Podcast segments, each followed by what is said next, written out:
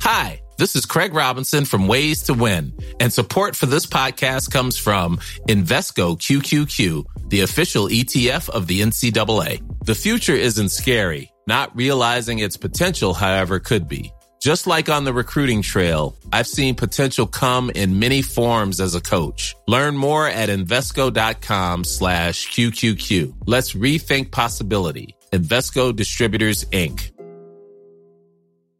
When you're ready to pop the question, the last thing you want to do is second guess the ring. At Bluenile.com, you can design a one-of-a-kind ring with the ease and convenience of shopping online. Choose your diamond and setting. When you find the one, you'll get it delivered right to your door. Go to Bluenile.com and use promo code LISTEN to get $50 off your purchase of $500 or more. That's code LISTEN at Bluenile.com for $50 off your purchase.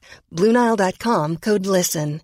Hey, it's Paige DeSorbo from Giggly Squad. High quality fashion without the price tag? Say hello to Quince. I'm snagging high end essentials like cozy cashmere sweaters, sleek leather jackets, fine jewelry, and so much more. With Quince being 50 to 80% less than similar brands. And they partner with factories that prioritize safe, ethical, and responsible manufacturing. I love that. Luxury quality within reach. Go to quince.com slash style to get free shipping and 365 day returns on your next order. Quince.com slash style. Er du klar for pod, Øystein? Kjempeklar for pod, Jon Roar. For nå har vi hatt uh, vår uh, ene ferieuke i Scootspodden. Så nå er vi samla krefter og klar til dyst igjen. Ja, det var deilig, altså. ja. ja. ja, da har vi endelig fått til det vi har eh, drømt om lenge. Gjest i studio. Endelig så er vi i gang med gjester igjen, og det er ikke hvilken som helst gjest vi har med oss i dagens episode, altså. Nei, denne her treffer eh, nære hjemme, føler det som. Kjør på. Ja, vi kjører på. Du lytter nå til Scootspodden, en norsk podkast om klassisk bil med Jon Roar og Øystein.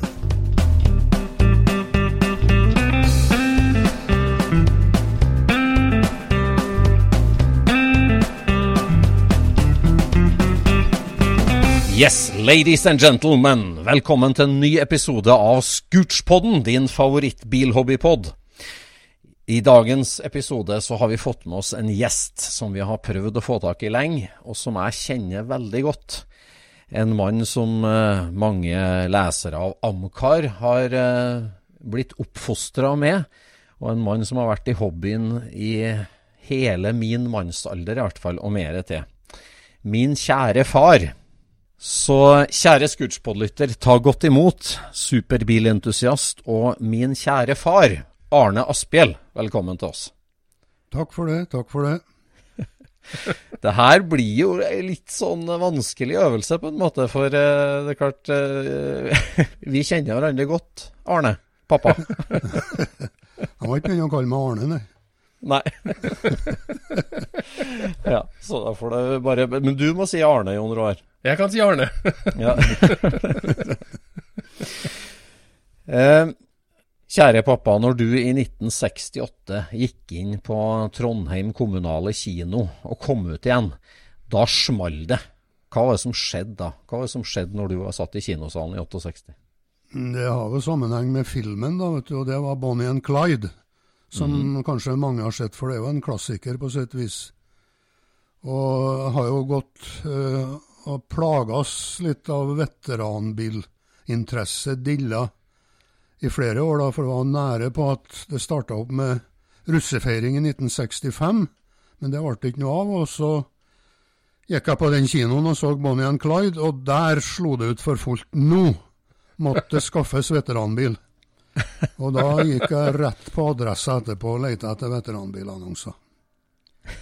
Og det med Bonnie and Clyde, da, det var en stygg film med mye blod og skyting og vold. Og det liker ikke jeg noe godt. Men jeg likte veldig godt uh, gammelbilscenene. Spesielt én scene der de kjører av veien og ut på ei gresslette, og de firkantete kassene som var ca. 1930-modeller, og de duva så fint bortover den gressletta. Det var liksom det store utløsende klimakset i den filmen for meg. Så du hadde et hang til veteranbiler, altså etter oppveksten da, på en gård ute i Orkdalen. Eh, så var du, ja, I 68 så var du 22 år og var på kino i Trondheim, Bonnie and Clyde, og kommer ut, og du har jo beskrevet det her øyeblikket som nærmest en sånn hypnose. Ja, det er rett. Ja da. Og da, da var du helt besatt av tanken på at en firkanta veteranbil, det måtte du ha det. Ja, den måtte være firkanta, og kanskje helst åpen òg. For det måtte Ja. være eldre enn 1930, i hvert fall helst. eh, Var de eh, litt senere, så ble de for svulmende og ny, i min forstand den gangen. da. Men eh, tilbake til det der med hvorfor det liksom har ligget og ulma. da. Og det var fordi at jeg vokste opp med gamle biler. Og det var mange biler som påvirka meg, kan du nå si, gjennom oppveksten. Men spesielt var det fars 1927 Chevrolet, da, som var en sedan som var ombygd til plattbil, til gårdsbil. Ja. Den eh, husker jeg veldig godt lyder og lukter av. Pluss at eh, min onkel Carl han har en T-Ford som sto i vognbua.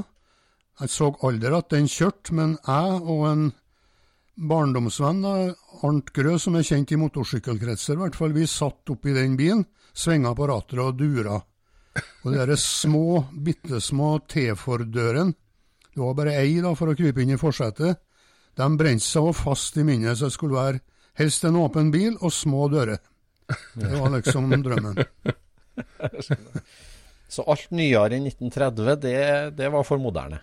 Da var det det, i hvert fall. ja. Ja. Så når jeg gikk i annonsene, så var det for å se etter før 1930. Men altså, eh, ja, i 1968-69 da, i Adresseavisa, altså dem som annonserte da biler fra før 1930, det var altså, var det da annonsert som hva skal jeg si, skrot eller bruksbil, eller, det, eller hobbybil? Hva var begrepet bilsamling, hvordan var det da i 1968? Nei, det var ikke mye bilsamling da, nei. Det var mer Ikke kalle skrotannonser, for, bare for å ta det. Den annonsen jeg reagerte på som jeg endte som med kjøp, det var at det var et eh, verksted nede i Sandgata i Trondheim. Tormod Øye het han som hadde verkstedet. Han har allerede våkna litt for gammelbilinteresse. Eh, både lokalt kanskje, men mest utafor eh, lokalt miljø. Så han drev faktisk også eh, satte i stand og solgt eh, biler. Og når han døde, han døde akkurat i de tidene der, så det var en arving da som averterte 1927 Oldsmobil, Touring for salg, og en 1919 tror jeg var T-Ford. Og da dro jeg og så på dem, og endte opp med å kjøpe da den 1927 Oldsmobilen. Men det var for at han eh, liksom var bevisst på at det her var en gammel bil som var litt verdt. Så han forlanga vel 3000 for den Oldsmobilen, da, han arvingen, og lurer på om han litt mer for den 1919 T-Forden, som visstnok ble eksportert til Danmark, da, når jeg ikke kjøpte den også. Ja, for det var jo For det var jo et, et, et tidlig fenomen. Altså Norge var jo litt seint ut med å våkne til veteranbilinteresse, egentlig. Eh, Sånn, sånn at det var svensker som allerede hadde turnert landet på siste halvdel av 60-tallet, og dansker for så vidt òg. Og den konkurransen merka vel du da, når du for alvor begynte å samle? Ja, absolutt. For eh, eh, som du vet, og som du er plaga med sjøl, det der med jakta på gamlebil, det er jo en viktig del av hobbyen. Så starta hun da med mye jaktturer etter der. Og da var det mange av de jaktturene som endte opp Nei, den ble nå solgt til en svenske, den, for tre år siden, og sånt. Det, det var en gjengs replikk du fikk når du, at du har fått sporene på en bil og kjørt opp på gårdstunet og spor hvor igjen den bilen, nå har dere den ennå. Så var svaret den havna i Sverige. Men Arne, hvorfor fant du ut at du måtte ha en til når du allerede hadde kjøpt en, da? ja, nei, det er jo med Jeg har blitt en til, en til mange ganger etter det her. Nei, det, det var oss For å ta den historien, da, så har jeg en, eh, en kjenning jeg gikk sammen med på folkeskolen. Han var tremenningen min òg. Han flytta fra Orkdalen til byen nokså tidlig, og endte opp som mekaniker hos Skaden og Larsen, Ford-forhandleren i Trondheim. Og når han fikk høre at jeg skaffa meg en gammel bil, så sa han da at nei, men det står nå en fin bil innpå til oss også som du kan se på, sa han, til Gann og Larsen. Og jeg for jo sporenstreks dit, og der var kanskje tre uker seinere etter det kjøpet jeg har gjort, og kikka på den bilen. Og da var det en Ford B 1932 som har kommet fra Orkanger, min heimbygd. Ja. Tilhørte som en eier i, i alle de åra fram til 1968. Og der var det nok at jeg satte meg inn i bilen og kjente gammelbillukta. Da var jeg fullstendig solgt og måtte kjøpe den òg. Akkurat så tre uker etter kinobesøket så var du bileier til to. Ja, faktisk. Ja. men, men, den første, da? Kjørte du med den? Eh, ja, jeg begynte jo å mekke på den. For eh, det, det var en uh, kar ute i Fosen, på ei øy utafor Fosen, som var drevet delvis restaurert den. Ja. Så det var gjort nokså mye på den, så jeg fortsatte med det. Fikk en lakkert og, og ja, satt på kalesje og sånt. Så, så ble, den som ble uh, liksom objektet, da, for at den var fullt kjørbar, den B-Forden. Ja. Den var ready to go, med, med bare å sette på skilt og kjøre, omtrent. Mm. så du kjøpte B-Forden før du hadde kjørt den første, da? Men uh, den 27 Oldsmobilen, da, den uh, ble det mekking på, og det var en uh, tung prosess, bare innrøm det. Jeg kjøpte feil bil. For det var en, det var en svær uh, rekkesekser i den, da, med oljepumpe som gikk på knastaksen, laga av et dårlig støpgodshus. Så den oljepumpa volda mye besvær, så det var ofte at at jeg ikke fikk opp oljetrykk som eh, gjorde det forsvarlig å kjøre. Så jeg har mye prakk med den, og den var ikke egentlig sånn at den boosta veteranbilhobbyen. Men det var B-Forden. B-Forden ble nærmest en bruksbil. Og ja. den eh, berga, berga, min hobby, må man vel si. Akkurat. Ja. Så moralen er kjøp Ford først? Ja, absolutt. Det, det kan jeg godt skrive under på. Ford først.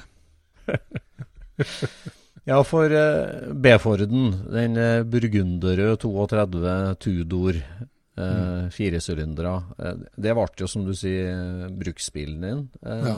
Og den har jo vært på skilt siden 1932, den. Ja, den har vært på skilt, for det var det som var spesielt. var at Gaden og Larsen de ha en legendarisk selger som het Goggen. Han var også solgte den bilen til en Anton Bach på Orkanger. I 1933 riktignok, så var han overligger. Men han kjøpte den i 33, men det var en 32-modell. Og når han skulle bytte inn i en ny Cortina da, i 68, så var det nettopp han Goggen som kjørte utover og handla med den. Og det er et artig bilde av det der da, som finnes med at de handshaker med overlevere, eh, overlevere ny Cortina, og kjører tilbake til byen i den B-Forden. Og det kom i Ford-nytt den gangen. og ble liksom omtalt som litt spesielt at samme selger, samme kjøper, så mange år senere, fra 1933 eh, til 68. Men du da, som ung eh, NTH-student, kan du si, eh, på Sjekkeren og student eh, i Trondheims gater i 68, 69, 70. Eh, hvordan var reaksjonene da på en sånn firkanta 32-modell Ford, liksom? Altså, ja, hvordan ble du sett på da med å kjøre rundt i en sånn bil? Eh, kanskje mer ute i Orkdalen, da, for der var det litt mer sjeldent. Men i, i, byen så har det faktisk begynt å bli litt tilløp til veteranbil som hobby da, allerede i 68 og videre utover. For den som var grand old man i Trondheim når det gjaldt er en som heter Øyvind Ofstad, som har kjøpt seg en Packard bl.a., som er jo litt legendarisk, i hvert fall i trøndersk miljø. Mm. Men det var mye NTH-studenter som hadde den interessen, spesielt på maskinavdelingen da, på NTH. Ja. Så det var flere Det var jeg vet ikke, Hvis jeg skal si, så var det kanskje en fire-fem A-Forda som gikk på skilt i den tida der i Trondheim. ja studenter? ja, to, noen var studenter, og noen var andre. Eh, ja. Jeg har jo en som eh, Ja, ja det bør ikke gå på navn her, da, men det var i hvert fall eh, en par A-Forder i studentmiljøet, tre kanskje. Og så var det en par-tre utafor det òg. Pluss at det var enda en sånn B-Ford-gruppe, tvillingene, eller brødrene Jørgensen. De var like B-Ford-fokusert som jeg sjøl ble etter at jeg skaffa meg B-Ford. Vi snakker jo om det i Scootspoden ofte, det her med liksom, de forskjellige dimensjonene på bilhobbyen. Med liksom kjøring, mekking, ombygging, jakt historieforskning. Eh, altså når du da Ok, da hadde du to biler på stallen, og, og, og hobbyen tok tak i deg hardt for å si sånn, og dro deg av gårde. Ja. Hvordan, eh, hvordan liksom utvikla det seg da med, med ja, de forskjellige dimensjonene? Altså, du starta jo voldsomt med jakting, eh, vet jeg jo. og, mm. og litteratursamling, for så vidt. Hva, hva, var det som fascinerte deg mest med liksom, bilhobbyen da, når det dro i vei? Nei, den B-Forden setter jo en stemning. Det å sette seg inn i den og kjøre, det var jo tidsmaskiner som brakte meg tilbake til barndommen med Chevrolet og T-Ford. da. Mm. Selv om den var litt nyere enn det, for så vidt, men eh, samme årgang, mer og mindre. Mm. Så den stemningen og lukta, ikke minst, av billukt har bestandig vært veldig viktig i min bilhobby. Mm. Men, eh, så det trigga voldsomt, ja. Og da var det om å begynne å leite etter biler, både for å ha deler og for å Det spennende med jakta. Så ja, så ble det jo litt flere handler etter hvert òg, men eh, ja. Nei, det var B-Forden som dro det i gang. Filmen ja. utløste, og B-Forden dro det i gang videre. Ja. Men altså biljakt der, da. ikke sant? Altså Du begynte jo vet jeg jo, å tråle den trønderske landsbygda og sånt. Og i dag, klart for dagens internettgenerasjon, så er det liksom øh, Hvor starter du hen? Hvordan gikk du fram for å Altså, jeg vet jo det at uh, Rod and Custom-bladet og spalten Vintage Tin og dette her var liksom litt uh, uh, Drog deg igjen. Hvordan gikk du fram for å bygge samlinga, for å si det sånn? Nei, det var jo det at, uh, at du det styrka interessen, da, den, at du kunne kjøre rundt i en veteranbil. Men så ble det litt konkurransemoment òg. Jakt er jo litt konkurranse. Og jeg var jo litt sånn småsur på de NTH-studentene som tråla den trønderske landsbygda. Og faktisk uh, samla opp litt. og Tjente vel sikkert litt penger på det òg, kanskje. Det vet ikke jeg så mye om. Men det ble litt konkurranse. Så var det liksom om å, å finne eh, godbiten i de trønderske bygder. og, og, det at vi det, si det var at Jørgensen-guttene og en par-tre til, det ble jo en sånn liten klikk. Og ja. vi møttes på det vi kalte telegrafhjørnet med, ja, i Kongensgata, der det var en Narvesen-kiosk rett utafor telegrafbygningen. Og Der var det en av Strodden Custom da, som var et lite snev av veteranbil i seg. Det var ikke noe veteranbilstoff. Og der møttes vi og, og tire-kicka, må man vel si.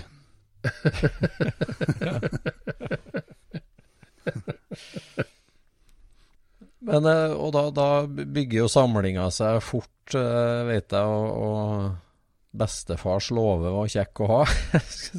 det... Ja, min fars låve var kjekk å ha. Absolutt. Din fars låve, ja. Mm. Mm.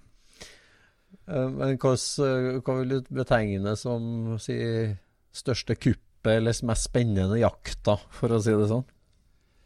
Nei, det var mye spennende for så vidt, da. Men øh, åpen bil og A-Ford sto jo kanskje litt sentralt, da. Mm. Så det ble jo Ja, det ble jo to, to åpne A-Forder, en 28 og en øh, 30, da, men i litt dårlig forfatning. Og så ble det en 31 A-Ford som Historien med den ble jo at det sto en annonse i Adressa der det sto at uh, bil som står lagret i Fossøyrenga for da 1930, må hentes. Hvis ikke blir den solgt for lagerleien. Og Da hengte jeg meg på og sa at hvis det ikke melder seg en eier her, så kjøper jeg den for lagerleien. Og det gjorde jeg da for 800 kroner. Det var en eksempel. Men eh, i og med at det tilfeldig da nærmest ble en B-Ford, så ble jeg jo litt fokusert på B-Ford òg. Og en episode som har brent seg fast, og som eh, vi kan jo komme tilbake til mot slutten, det er at utpå Geitastranda, kjøra nærmere bestemt, attmed et uthus der, fikk jeg se det sto et bilkarosseri uten hjul, men bare attmed veggen der. Og det så jeg med en gang, var at det var en 1932 Ford Victoria. Og dem Ja. som er litt inne i terminologien, de vet at en Victoria, det er en litt uh, populær bodystyle. For det er en slags blanding mellom sedan og kupé, må man vel si. Det er en sedan med litt kortere karosseri og en sånn litt eh, snedig utvekst bak bakruta her, da, sånn litt sånn ja, eh, Mm. Som jeg så med en gang at det her var spesielle ting, og fikk tak i eieren og kjøpte karosseriet for ti kroner og tok det med hjem. Så det vil jeg karakterisere som et kupp, for jeg tror sikkert jeg kunne ha solgt det i dag, da, det karosseriet, for 15 000 dollar i USA, hvis jeg ville det. Ja. Ja, det er hot hot rod-materiale, i hvert fall. Det er bra sikkert. Så da snøyt du en eh, østlandsk NTH-student for den. ja, ja, jeg tror nok det at hvis en, eh, en NTH-student fra østlandsområdet har sett den, så har den ferie sørover. Det tror jeg nok. ja. Nå tenker jeg Det skjer jo mye da utover tidlig 70-tall. altså Trøndelag veteranvognklubb etablert. og, og sjølsagt uh, ACCT blir til ACCN, og hele Amcar-bevegelsen ruller på for fullt. Og, og der skjer det jo Trondheim er jo sentral i det. Og kan der hoppe tilbake blir- litt nå, kanskje først. for at uh, Du spurte om det ble brukt til noe damesjekking, her er et spørsmål, og det svarte ikke jeg noe på. Men uh, det var ikke noe voldsomt, det. Men jeg husker spesielt da i ja, en par år etter at jeg har vært russ sjøl, og kjente jo en del av dem som har gått på Follo før, eh, mens jeg gikk der sjøl, som da har nærma seg russestadiet. Og da husker jeg i hvert fall at jeg kjørte i Orkdalen og plukka opp en del eh, russejenter som gikk og grudde seg til eksamen, og, og liksom eh, ja, avhjelpa dem litt med eksamensstress da, med å ta dem med på en runde i gamlebil. Det var liksom en velgjerning. Og det som jeg vet ikke om jeg har fortalt til deg, Øystein, men det forteller jeg nå, da, i offentligheten.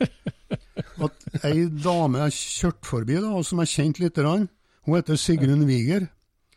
Ja. Jeg angrer meg den dag i dag da, for at jeg ikke stoppa og tok opp henne den gangen, men jeg kjente ikke så godt som de russejentene jeg har inni. Men som du vet, så ble jo hun mora di. og, og når vi ble kjent, ja, det var på russerevy på, i Orkdalen, eh, ja, kanskje ja, ett eller to år seinere igjen. Og når hun da fikk eh, se det at det var jeg som eide den B-Forden som var sett og kjørt i Orkdalen, så ble hun veldig positivt overraska. For hun har jo en historie med at hun har vokst opp i 1931 A-Ford, som du vet, og Kybel òg, for den del. da. Så benytta ikke sjekketrikset med gammelbil overfor henne, så hun ble positivt overraska etter at vi ble sjekka Ja. opp sammen. Og hun sier at 'Å, er det du som har den bilen', ja, sa hun. Ja, Det det var ble en liten love story innblanda her òg. Ja. Ja. Han det- tørker tårer, han eh, Roar nå, ser du. ja. Jeg ble rørt, vet du. Ja. ja, det er kanskje der det der tyskerbilblodet kom inn, ja. For uh, hun mamma er jo vokst opp i Kybel, som du sa. Og uh, der uh, var det jo en slags gen som hang i til meg, på den tyskerbilvinken. Men ellers så må jeg jo si det også, at bilinteresse det utvikler seg jo over tid. Og sjøl om jeg ikke til å se biler som var litt for eh, strømlinjet og bulende i fasongen i det samme det her starta, så ble det fort til at jeg liksom tolererte 30-tallere òg. Ja. og det, når jeg begynte å dra til Løkken for å besøke hos svigermor og fri til Sigrun og sånt, så passerte jeg et eh, eldre verksted midt i Løkken sentrum, der han Nils Pettersen holdt hus. Og Jeg tok jo et bilde av han utafor verkstedet sitt, der han sprøyter snø. Han har montert ei skuffel frampå bilen sin, som var en 1936 Strømmen Dodge. Og den modnes da etter hvert, så den eh, fikk jeg veldig lyst på, men han var ikke til salgs, da. Men bare for å vise For første gangen jeg kikka inn i verkstedet til Pettersen, han sto bak verkstedbenken der, så sto den bilen innpå verkstedet. Men nei, det var en 36-modell, den var for ny, så jeg var ikke interessert i den. Men jeg ble etter hvert interessert i den, og som du vet, så endte det med at jeg ble eier av den òg etter hvert. Ja, det gikk jo mange år før du, før Ja. du kunne tolerere så en rund bil. Ja. Ja. Det er jo en sjuseter norskprodusert med originallakk og alt mulig. Det, ja, det er nå en av de store kuppene, må man jo si. Ja, man må mest si det. For at den har no lokal historie, og den er norskprodusert. Det liker jeg jo veldig godt. da. Og øh, har fin lukt. Det er viktig. Ja. Dodge-lukt fra 36 kan anbefales. Ja. ja, det er en gjennomgangstema i mange av bilkjøpene du har gjort. Det der med ekte veteranbillukt. Må si det at det er top of the line i billukt i min stall, da, det er 1953 Cadillac. Mm. Mm. med originalinteriør. Og da kan vi ta neste trinn på skalaen at den gangen vi bodde i Amerika, så ble det jo jakt på 30-årsbil, og da har vi kommet til 50-tallet. Og da tykte jeg en 50-talls Cadillac var en drømmebil, sjøl om det ikke var det. I første fase så hadde det da utvikla seg til at nå var Cadillac fra 50-tallet også OK. Ja, da var du kommet helt opp på midten på 80-tallet, Ja, når eh, ja. du kunne tolerere under runde biler. ja. Men hva si, med fremveksten av eh, Amcar, da, eller ACCN og Amcar Magazine For det er jo sånn veldig mange eh, bilentusiaster i Norge kjenner deg, pappa, som journalist i Amcar. For der har du vært med siden blad nummer to. Ja. Nei, det, hvis ta tar det, da. Så har jeg vært med Reist litt til Amerika. Da var ikke du med, det var bare jeg og mamma som reiste. Det ble vel i, i 75, det, første gangen til Amerika.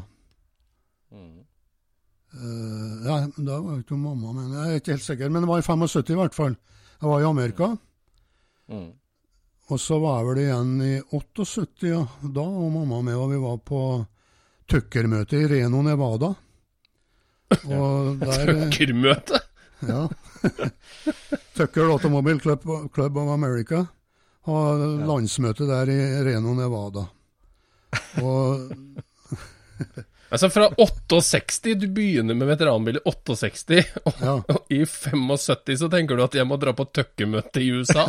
Så, altså, det, det er jo Ja, det gikk litt fort, det der, da. Men, men jeg, jeg har jo studert bilhistorie. Jeg kjøpte jo og abonnert på Automobile Quarterly, det superbilmagasinet osv., og, så videre, og lært veldig mye amerikansk bilhistorie. Og Tucker, det, det fanga interessen. For det er jo en sånn eh, story om at han lille mann som har en stor idé, blir knust av GM og de store, og får ikke til noe. Men han fikk til 50 biler, og den Tucker-filmen òg er jo en enestående film. Og det, det har fascinert meg, så vi dro på Tucker-møtet. Men eh, det jeg skulle si om det Tucker-møtet, det var det i 78, det tror jeg. For etter jeg har vært på det Tucker-møtet, så ble jeg invitert til møte i American Car Club avdeling Trondheim for å holde et foredrag om mine opplevelser i Reno og Amerika. Aha. Og da eh, viste jeg bilder da, av, eh, av det Tucker-møtet og snakka om det, og litt om min egen interesse òg. Og bare eh, ja, hva det var, bare noen dager etter at jeg har vært på det møtet, eller nevner da, på at det møtet, så ble Amcar nummer én delt ut til medlemmene. Og jeg fikk også et eksemplar av Amcar nummer én, da, som er litt sjeldent og ettertrakta i dag. Men eh, bare noen dager etterpå så fikk jeg brev fra Terje Aasen om at kanskje du vil være veteranbilskribent i Amcar. Og det takka jeg ja til, og det starta den Amcar-bølgen for meg, da kan du si. Amcar-interessen og tilhørigheten til Amcar, sånn sett. Ja. Ja, for altså, Du gikk jo elektro, eller kybernetikk, på NTH, og, og begynte jo å jobbe som ingeniør. Og, og leste bilhistorie på fritida, skulle jeg si. Og altså, det, det, å begynne å skrive om bil, og skrive om teknologi, det er jo på en måte en interesse du har hatt òg, og, og, som du likte. sånn. Altså det å formidle budskapet om bilteknologi. Ja, ja. Nei, jeg, jeg likte jo det absolutt, og skrev jo allerede, tror jeg da litt for Teknisk Ukeblad fra Trondheim. For det var mm. teknologihovedstaden, på en måte, Trondheim, da, og det var mye som skjedde der, så jeg ble en slags sånn frilanskorrespondent korrespondent for Teknisk Ukeblad og Amcar. Så mm. det utvikla seg til en litt uh, inntektsbringende del av hobbyen, det òg, da, man sier. Skriving om bil og mm. annen teknologi òg, da. Mm. Mm. Men altså det med å, å bygge seg opp eh, altså det, For at jeg tror mange lyttere må forstå altså terskelen for å hva skal jeg si, få tilgang på den kompetansen der, og kunnskapen der, da, den var jo veldig høy i forhold til i dag. Altså Når du kan google historien om Tucker, så har du det på et minutt. Men det å sitte på en studenthybel i Trondheim i 475 og lese opp på Tucker, det var jo ikke Det, det, du Jeg satt ikke på studenthybel i 475, for da var du Nei, allerede født. Ikke. Ja, var, da, var du, da skifta du bleie, skal vi si, da, på et par snørrunger. Men eh, jeg har bestandig vært interessert i å skaffe meg litteratur om det jeg er interessert i, enten det er treskjæring eller det bilhobby eller noe sånt. Og det var jo den herre, hva heter det, Classic Motorbooks den mm. som var en forløper for Amazon på en måte i Amerika når det gjaldt bilbøker, i hvert fall. Så mm. der var jeg jo fast kunde og fikk sendt fra Amerika. og Det var aldri noe toll og moms heller på bøker, heldigvis. Nei. Altså, da bygde du bibliotek, og du kasta det over og leste, og ja. fant sånne skatter som Tucker, f.eks., mm. og, og meldte deg inn i Tucker-klubben, ikke sant? Ja, ja. Jeg gjorde det. Ja, for du har jo til og med, til og med møtt uh, Alex Tremulis, du, designer. Ja, jeg har jo signert kopi av Tucker-tegninga av han. Han var jo designeren av Tucker, ja, så vi traff han på det Tucker-showet i Reno i 78, ble det. Ja. Mm. Fenomenalt. og vi traff uh, Tucker-entusiaster. Det var da jeg ble kjent med en Curtis Fauster fra Texas. Mm. Og bilen hans den kom jo faktisk til Trondheim, og det har jo litt med det kjennskapet å gjøre, sjølsagt. På utstilling, ja. Ikke den kom hit og bli, nei. Han for videre. Ja. ja. Nei, det Det må jeg jo si, at denne evnen til å uh, leke i voksen alder og hele livet, og det derre med å liksom gå all in, som du ja, gjorde og jo, har gjort og gjør hele tida, det er en egenskap eh, jeg er glad for at jeg har med meg. det kan jo ta litt overhånd òg, da. Eh, du vet jo at det kan bli litt for mye. Og et ekteskap så må man passe på å ikke dra det altfor langt. da. Mm. Broren min har Men, jo en sånn saying om at um, kaller han er kjerringstyrt. Og han har konkludert med at jeg er ikke kjerringstyrt, for jeg har fått lov til å gjøre litt for mye sprell, tror jeg ja. Det blir ja, jo... der det er mer om ekteskap og kjerring og sånt nå begynner å bli. Nei, det her er en som blir kjent-episode. Vi, ja. vi, skal ha flere episoder. Vi dykker ned i annet. Nei, for Arne, vi har jo eh, gjennom Øystein så har vi jo hørt eh, Han har jo vært med rundt i baksetet i Granadaen og, og opplevd eh, mye rart. Altså, det er, jo, det er, jo, helt utrolig hvor du har hatt med hele familien liksom, på alt mulig av diller du har fått. Ja, de har vært med på det, familien òg. Ja. Derfor det har forplanta seg såpass som det har gjort, da, tror jeg nok. Men eh, det er ikke sånn at eh, jeg tror noen angrer noe særlig på det der at man ble dratt rundt sånn eh, på den måten. Det tror jeg ikke. Men, men når du er ferdig med en dille, hva gjør du da? Jeg dukker som regel opp en ny dille, da. Det gjør du. Ja, det skjønner jeg, men hva skjer med den gamle dilla? Blir den bare lagt på hylla, eller selger du hele samlinga? Den går mer og mindre litt i en liten dvaletilstand, da, men kan dukke opp igjen. Så ja, okay. jeg, jeg driver og holder noen foredrag av og til, og da har jeg en sånn uh, plansje jeg begynner med at mitt liv er en serie av diller. Og Da lister jeg opp de dillene jeg har da, og forteller litt om dem innledningsvis, i hvert fall. Ja. Så det, det går i bølger, ja. og Jeg vet ikke akkurat hva jeg skal si stadium jeg er på i dag, men eh, det skifter litt. Og det gir jo bare litt mer mening til livet, det, etter min mening. da. Ja. Hvor mange biler har du solgt, da? Nei, det er ikke mange, nei. De kan jeg telle på mindre enn ei hånd, skulle jeg si. Nei, eh, eh, igjen tilbake til Gaden og Larsen. De, eh, de leverte en ny brannbil til Orkdal brannvesen. Og så eh, skulle de ta innbytte av den 38 Chevroleten de hadde, brannbilen. Og den ville de helst slippe å ta i bytte, så at jeg fikk overta den veldig rimelig. Så jeg har brannbil, en 38 brannbil en periode. Årsaken til at de måtte bytte bil, det var at de gangene det var brann, det var ikke så ofte, så fikk jeg ikke bil start. Og da kan de ikke ha den til brannbil. så jeg har brannbil, men eh, jeg brukte den aldri til noe brannutrykning. Og den solgte jeg til Orkladal veteranvannklubb. Så det er liksom okay. på en måte eh, signaturbilen til dem. De har det i emblemet sitt, og de har restaurert den fint, og de kjører med den når det er opptog osv., så, videre, så den kom i rette hender. Ja. En annen bil jeg solgte, var en av de 28-modellene som jeg kjøpte av Ford Åpen. Den ble solgt Ja. en uh, lokal entusiast som heter Øyvind Nei, nei uh, Olav Olden. Og han gjorde en veldig god jobb med den. Det var en fugl føniks opp av vasken. Så den Ja. havna i gode hender. Og jeg er bestandig nøye på at hvis jeg skal selge noe, enten det er bil eller flipperspill, så bør jeg helst like selgeren. Nei, bil like kjøperen. Men, kjøperen må kanskje like selgeren. ja. Så jeg har i hvert fall solgt de to bilene som jeg kommer på, og det syns jeg har vært vellykkede salg, begge to. Da kommer det spørsmålet vi ikke kan spørre, da. Hvor mange har du kjøpt? Så det skal ikke vi spørre. Men jeg vet det faktisk ikke heller. Ja.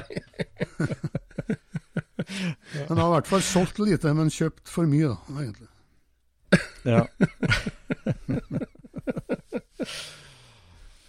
Nei, det er fenomenalt. Så, så vi dykka ned i de to bilsalgene, som du sier. Det.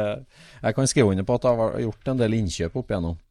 Men dette jeg tenker på, Det, det starta jo Du har jo, du har jo skrev, både skrevet om det her i, i Amcar, og du har holdt foredrag om det. At eh, det var du samla en del når du var liten. Eh, som ungdom, nei, som unge så hadde du et slags hamstergen til å begynne med. Men så tar jo bilen for alvorlig inntog da i 68 og, og framover. Mm. Men så, sånn, du grovt sett nå skal gå gjennom de store dillebølgene du har vært gjennom, uten at vi skal gå i fordypning, la, la, oss, eh, la oss ta det litt sånn kort. Nei, eh, sånn i barndom så var jo, var jo frimerkesamling og modellflybygging viktig. Mm. Uh, og så ble det jo motorsykkeldiller som var veldig intens. Av alle de diller jeg har hatt, så tror jeg den motorsykkeldillaen fra ja, 13, 14, 15 fram til 16 år, den var veldig intens. Jeg fikk låne min brors 175 pukk til, til sånn privatkjøring da, på jorder og små sideveier, og det var store greier. Så ble det tempo da når jeg ble 16 år i, i eh, Tempo Typhoon. Så det var en veldig intens stille. Og så har det vært veteranbildille, da, som sagt.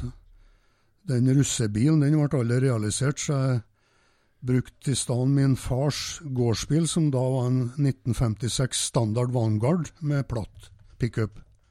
Så den ble ja. brukt som russebil. Den var blå, riktignok, det var blåruss, så passa ikke helt, men det var artig nok, det. Vi var nede på at vi kjøpte en 36 Vandrer, kalesjebil, men det med, sammen med noen andre, men det ble det ikke noe av. Og da ble det først i 68 da, at den bilinteressen slo ut for fullt. Men ellers så har det vært jukebox, flipperspill, orkdalskap, som er en sånn spesiell treskjærerkunst. Og ja og så en, en nokså ny dille, det er jo stavkirker da, som har sammenheng med at jeg ble involvert i å hente en, en utstillingspaviljong som var på Chicago-utstillinga i 1893. og ble laga på Orkanger som et stavkirkekopi. Den er nå kommet tilbake til Orkdalen, og det utløste en nokså intens stille innenfor det feltet. Da. Ja. Ja, for det, der er det igjen all in. Når du får dilla på norsk, eller orkdalsk treskjærerkunst, så ender jeg altså opp med å flytte ei hel kirke hjem fra Chicago til Orkdalen. Ja, det var litt å trekke det langt, da. Men eh, det resulterte i hvert fall i at jeg fikk laga en par utstillinger av orkdalskap i både Trondheim og i Orkdalen. Og skrevet en par hefter om orkdalskapets historie. Så det, det ble litt matnyttig for andre folk, og ikke bare for meg sjøl, kan du si.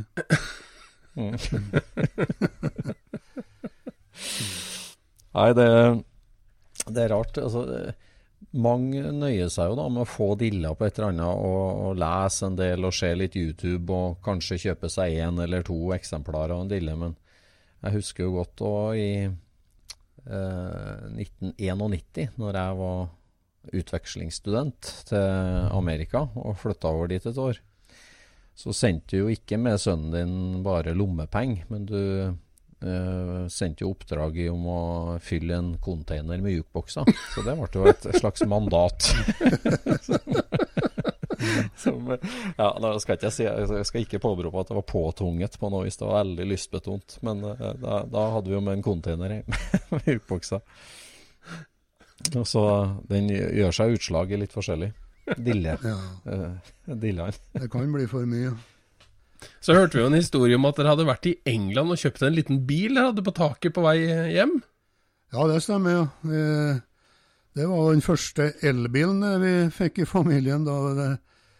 Eh, jeg har jo en fascinasjon for entreprenører, oppstarterfolk. Og. Clive Sinclair, som laga eh, den første lommekalkulatoren nærmest cellebyggesett og sånt, han laga jo en elbil. Sinclair C5. Ja. Og der eh, brukte jeg jo teknisk ukebladtilknytning for å få innpass som journalist og besøke fabrikken i Midt-England, der de laga Sinclair C5. Og det endte jo opp med at vi kjøpte en sånn Sinclair C5 og satte på taket på vår Granada stasjonsvogn og tok med hjem til Norge. og Det ble jo mer som en slags olabil da, for eh, barna i familien. Det var ikke akkurat eh, Jeg prøvde å kjøre med den til jobb en dag eller to, men jeg slutta litt med det. for når du fikk en stor buss oppi og så midt inn i navet på bussen på den lille der, så følte du deg ikke helt uh, komfortabel, må jeg si. Men der har du jo hele tida hatt en voldsom evne til å liksom se bakover og samle på antikviteter, eller altså gamle ting, men hele tida å se framover og være teknologi Ikke bare teknologioptimist, men teknologientusiast. Altså, du hadde jo iPhone før jeg hadde iPhone. så, og sånn hadde du jo adoptert eh, Sånn hadde jo adoptert eh, altså elbil òg. Det, det er jo ikke så mange Amcar-folk som går om bord i elbilismen med begge fotene, sånn som du har gjort. sånn. Nei, det er noe sant, da. Men eh, jeg mener at det går an å ha en fot i begge leirer, da. Mm. Ja. For eh, eh, Bare for å ta det òg, at etter å ha vært bilmann lenge og kom til at vi som, Jeg vet ikke hvor mye vi skal snakke om sånt, da, men at vi tok fram den 1930 A-Forden etter oppfordring fra deg, Øystein, og begynte å restaurere den. Og at den havna i garasjen da, her og sto, og plutselig var det gammelbillukt i garasjen. Det var òg en boost for gammelbilinteressen. For det har vært luktfri garasje med elbiler nå i en viss antall år. Så fikk du en fornyelse med ny gammelbillukt i garasjen. Det var en, en milepæl òg. Ja.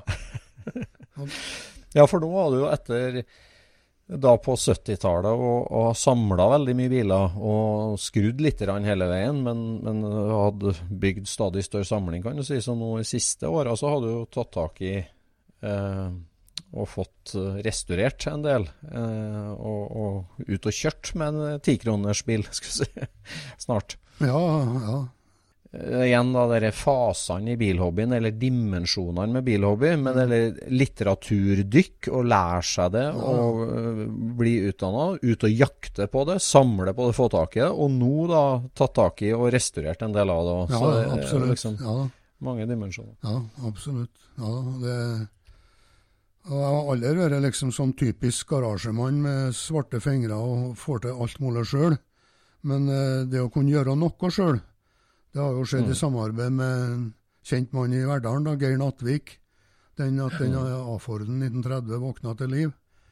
Det, det var en uh, veldig fin prosess, altså, med at uh, han gjorde uh, det han kunne, og jeg kunne bidra med det lille jeg fikk til på mm. egen hånd. Det var en perfekt match. Mm. Mm. Men jeg har hørt en annen litt sånn artig historie om at du har en del biler som, som har veldig lite til felles. Jaha.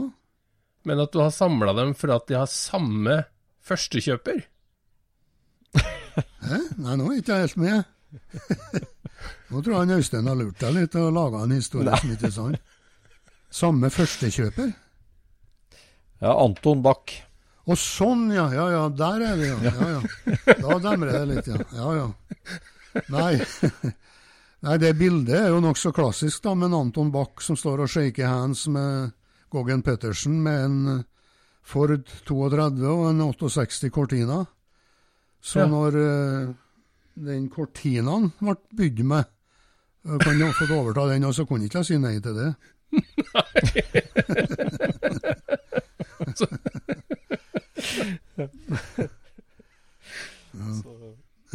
Begge bilene har du. Vi var litt inne på det, det med liksom å Eh, formidle om bilhobby, og bilhobbyen, den skribentvirksomheten. Du har jo vært med og, og prega Amcar-bladet og litt sånn, hva skal jeg si eh, bilmiljøet gjennom det, da, med at du, du har skrevet mye om eh, altså, Vi snakka litt om før, før i Scootspoden om det med liksom eh, bilhobbyjournalistikk. Og, og, og, hva er viktig? Og, hva slags vinkel har du på det? Altså, hvordan tanke, den hovedtanken din bak eh, skriveriene dine, hvordan vil du beskrive det? Uh, nei, vi har jo diskutert litt sånt på Amcar-møter av og til òg, på redaksjonsmøter. Men jeg syns det er veldig viktig å få med anekdoter og den menneskelige sida av det. Så mm. artikler som bare viser bilen, og skriver om bilen, at det er sånn og sånn girkasse, sånn og sånn uh, tilleggsutstyr osv., så det blir altfor kjedelig, etter min mening. Jeg syns det må være, være like mye person som bilen. Og mm. hvis at det er en litt fargerik person, da, så er det mer interessant for leserne, tror jeg, enn å få detaljkunnskaper om hvor han har kjøpt hjula hen. og felgdimensjon og alt sånt. Det må ikke bli for teknisk, må få inn Til Amcar òg, så vil jeg si at i tidligere tider så drev vi med mye annet i Amcar. Jeg har skrevet om både jukebokser i Amcar og litt andre ting som er relatert til Amerika, da, ikke bare bil. Mm. Mm. Så, så, det skal ikke bli altfor snevert. og Jeg fikk jo et Amcar nå nettopp, og jeg syntes det ble litt kjedelig, da, for det var en ja, 68 Camaro nummer 42, kanskje, som ble presentert i Amcar. Og det syns ikke jeg blir så bra.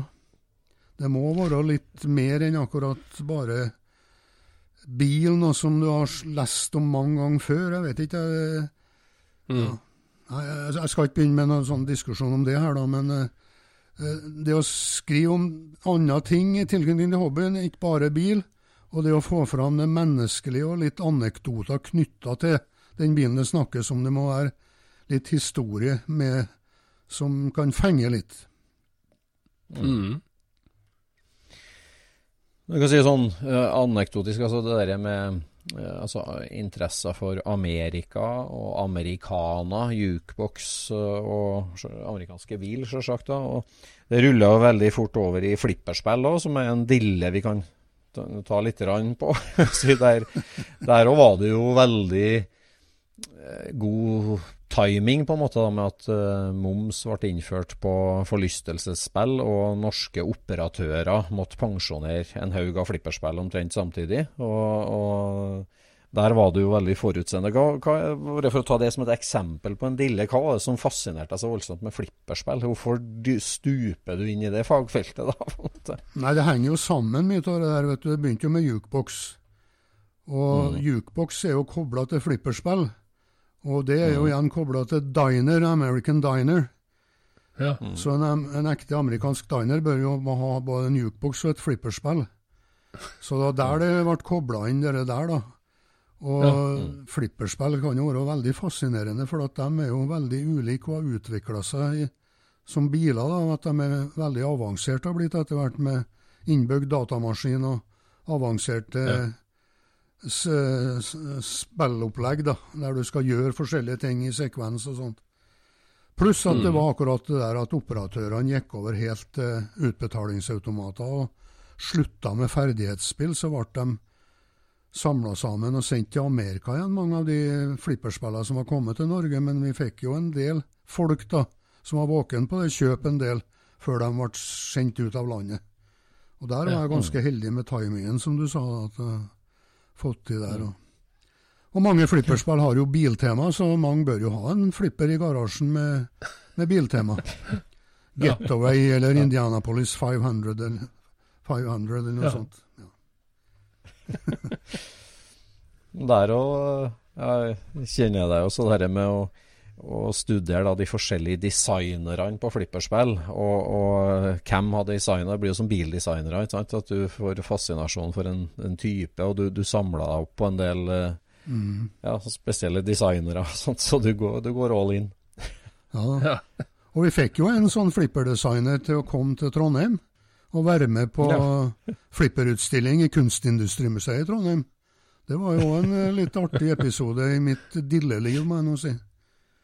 Ja. Og det kom to amerikanere, en eh, designer som var veldig flink til å mm. snakke om designjobben. Og så kom han eh, Big Bopper jr. JP mm. Og var med også på et jukeboksmøte og sang for jukeboksklubben i Trondheim samtidig. Så det var litt artig.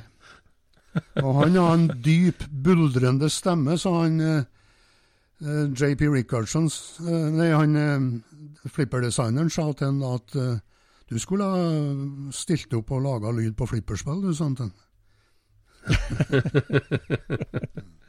ja, det var en avsporing. Ja, du snakker om du, ja, du snakker om det som det er en helt uh, vanlig ting. Men altså det her med altså det at jukebox-stillen førte til stor samling av jukebokser, førte til etableringa av uh, Big Boppers. Av Big Boppers, den norske jukeboksklubben. Bladet Coin Return, som igjen fører til flipperspillutstilling i Kunstindustrimuseet. Så så det, det, er jo liksom noe med å eh, altså, Vi snakker jo en del om det i Scootspoden, med at uh, liksom hobbyen vår er som ei lita lekegrind, på en måte. Vi elsker å være oppi der og sitte oppi der, og så er det liksom ja, Av og til så er det litt kamp om leikene, av og til så er det Men altså, det å, det å, det å tilføre hobbyen nå hele tida, å være en som spinne på moment på svinghjulet, så hobbysvinghjulet, som liksom, altså om det er i norsk sammenheng eller, eller, lokal sammenheng for så vidt, eller internasjonal sammenheng. altså det å være Altså, ja, det, det, det er Scootspoden var et eksempel på det.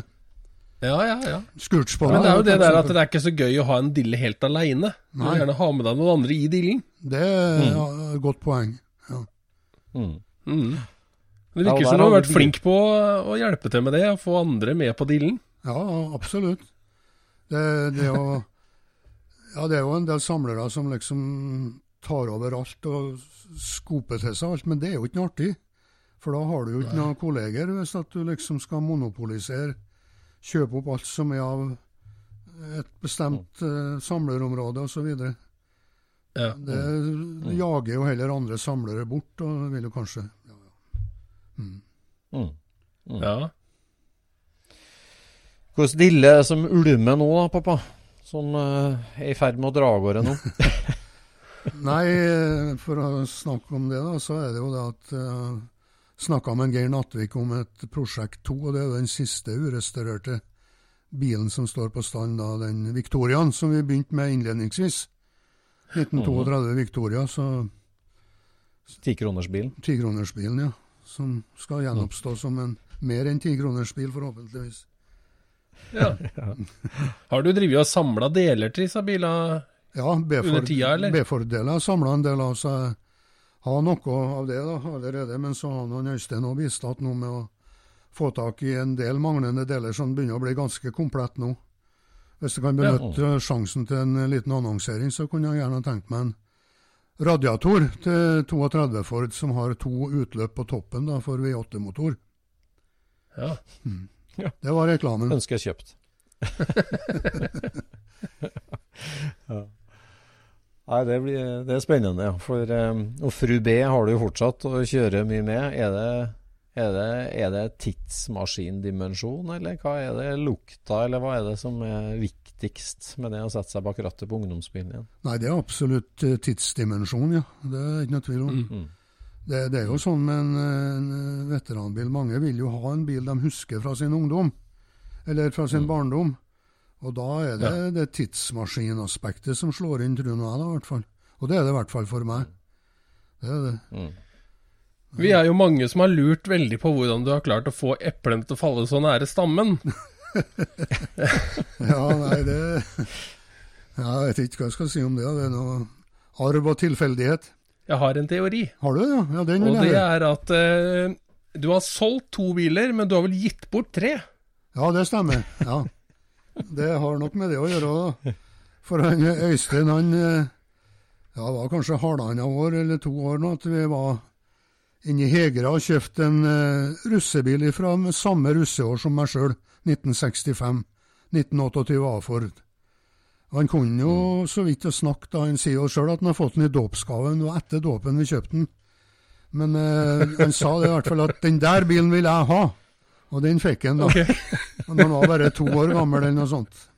Så han har eid den hele sitt liv omtrent, han Øystein. da. Og var med på kjøpet og henta den da når jeg kjøpte den. Men dåpsgave er litt overkill, da. Ja, vi kjenner Øystein, så det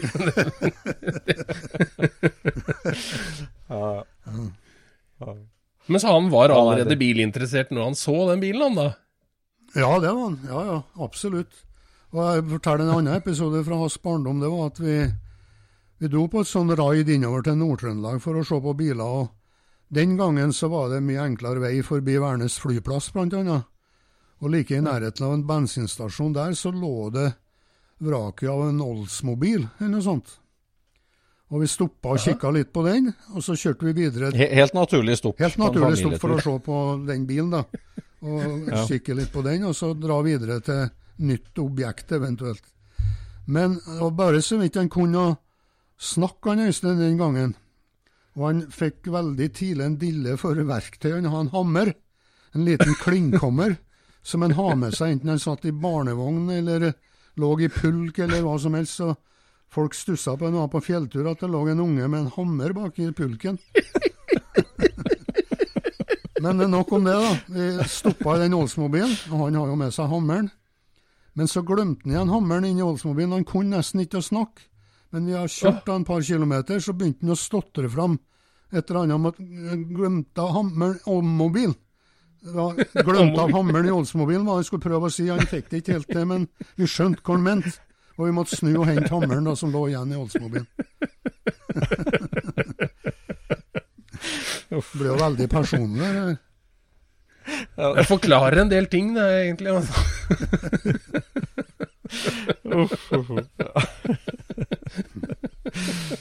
Ja. Nei, det, det har blitt noe skogsrak.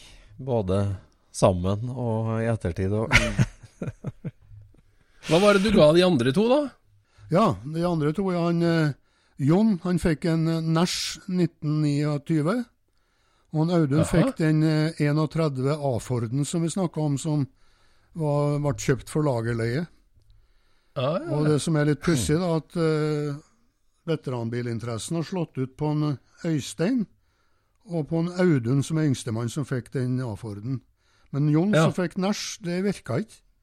Han ble mus musikkinteressert og ikke så veldig bilinteressert. Ah. så han kjører ikke så ofte med Nashen, han da? Nei, moralen der òg er kjøp en A-Ford som din første veteranbil. Eller Ford som første veteranbil, ikke Nash. Det blir feil. Ikke Oldsmobil og ikke Nash. Nei, ikke Oldsmobil og ikke. Nash.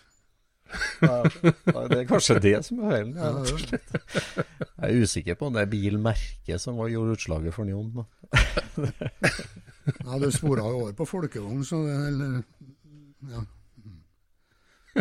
Ja, Hvordan var det da, når jeg dro av gårde mot folkevogn og tysk, liksom? Var det Nei, du vet jo hvordan det gikk. Det spora det slo ut på meg òg, så jeg måtte kjøpe meg folkevogn òg. Ja. Jeg kjøpte ut bare ei, jeg kjøpte to, og så ga jeg bort ei til svigerdattera. ja, det gjorde det. ja, det er artig. Men nå for tida, da, hva, hva tenker du om eh, bilhobbyen overlag? Nei, eh, hvis en skal være veldig pessimistisk, kan en nesten være frykte at, eh, at eh, bilhobbyen går runden rundt, og at eh, det om 50 år må du kjøpe bensin på flaske på apoteket, sånn som det måtte i 1895. Mm. Men eh, så ille tror ikke jeg det blir, da. Men eh, personlig så vil jeg nå si det at, eh, at til bruksbil og til, til ja, bil som bil, så er det el, uten tvil, som vil leve. Og at, eh, at, eh, men jeg håper jo da at bensinbilene, eh, ikke minst pga. lukta, blir fortsatt som hobbybiler. Ja, for det er jo ikke nødt til å være Det er jo ikke svart-hvitt, det der. Nei, det er ikke svart-hvitt, og det vil det aldri bli heller, tror jeg. Så jeg føler at jeg har, som jeg sa tidligere, en fot i to leirer, eller begge leirer.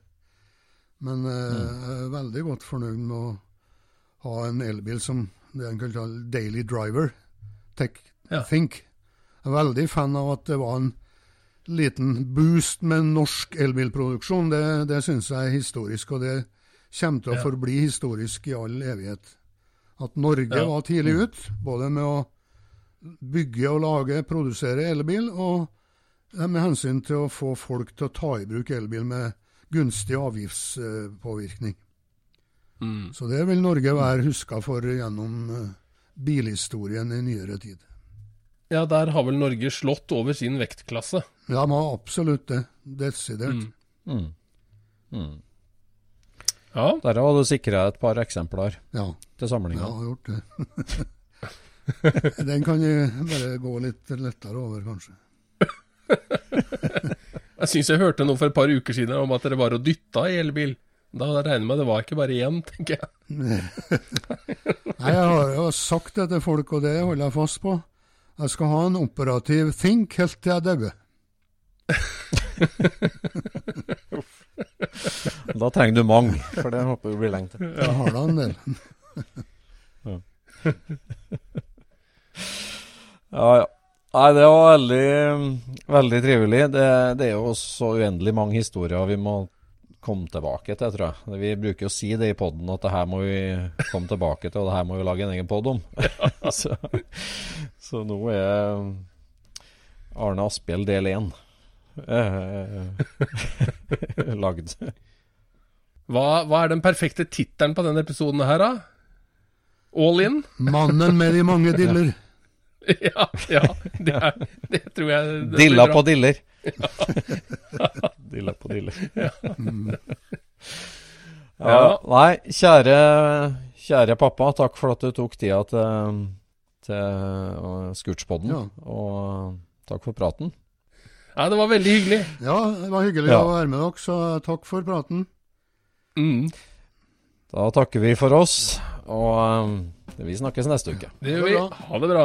Scootspodden produseres av SSC Media, med god hjelp av VV Norge og Trond Dahl for hosting, Knut Micaelsen for musikk. Abonner på Scootspod via podcaster eller Acast, og følg Scootspod på Instagram og se det vi snakker om.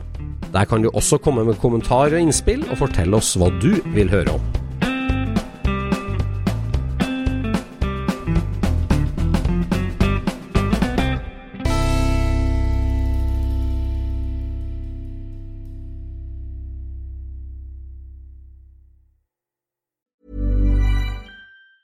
Planning for your next trip? Elevate your travel style with Quince. Quince has all the jet setting essentials you'll want for your next getaway, like European linen, premium luggage options, buttery soft Italian leather bags, and so much more. And it's all priced at 50 to 80% less than similar brands. Plus, Quince only works with factories that use safe and ethical manufacturing practices. Pack your bags with high-quality essentials you'll be wearing for vacations to come with Quince. Go to quince.com slash trip for free shipping and 365-day returns. Mom deserves the best, and there's no better place to shop for Mother's Day than Whole Foods Market. They're your destination for unbeatable savings, from premium gifts to show-stopping flowers and irresistible desserts. Start by saving 33% with Prime on all body care and candles. Then get a 15-stem bunch of tulips for just $9.99 each with Prime. Round out Mom's menu with festive rosé, irresistible berry chantilly cake, and more special treats. Come celebrate Mother's Day at Whole Foods Market.